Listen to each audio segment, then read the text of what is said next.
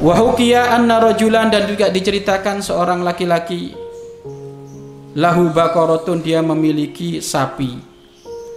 Yahlubu labanaha ia memerah susu dari sapi tersebut.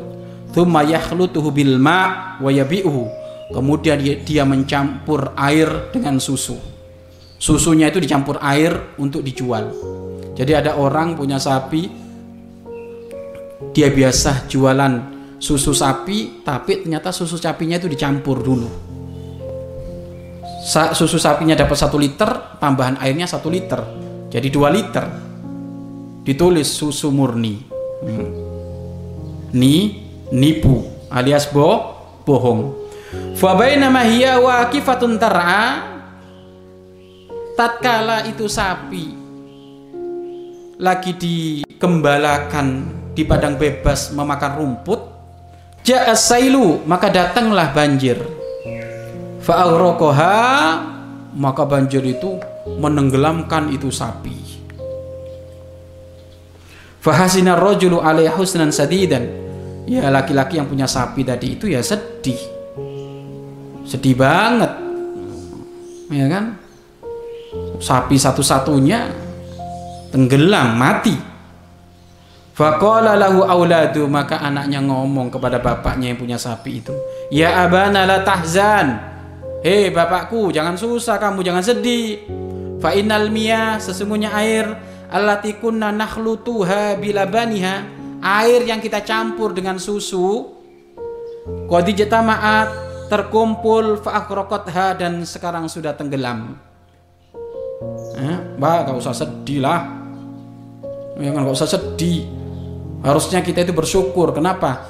Karena kita ini tadi jualan kan bohong. Nyampur susu sama air. Ini susu, susu sekarang sudah ludes. Terkena ban, banjir. Gak usah sedih lah. Fa'adrokar rojul. Maka sadarlah laki-laki bapaknya tersebut. Annal. Sesungguhnya menipu. Aqobatuhu berakibat al-halaku kehancuran. Wal husronu dan kebinasaan.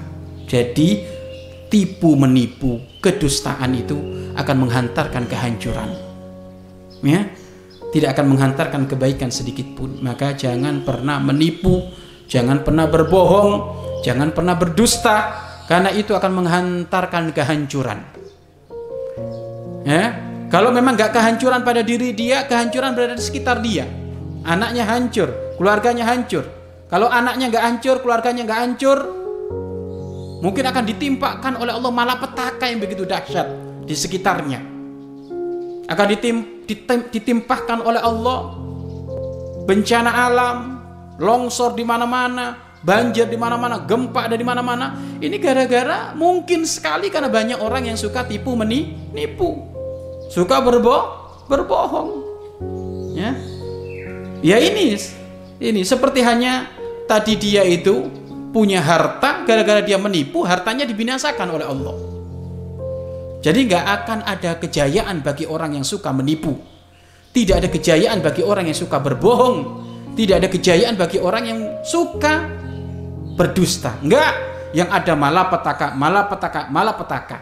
Makanya siapa pun yang berbohong, siapa pun yang berdusta, maka hakikatnya dia meminta, "Ya Allah, mana malapetaka bagiku ya Allah?"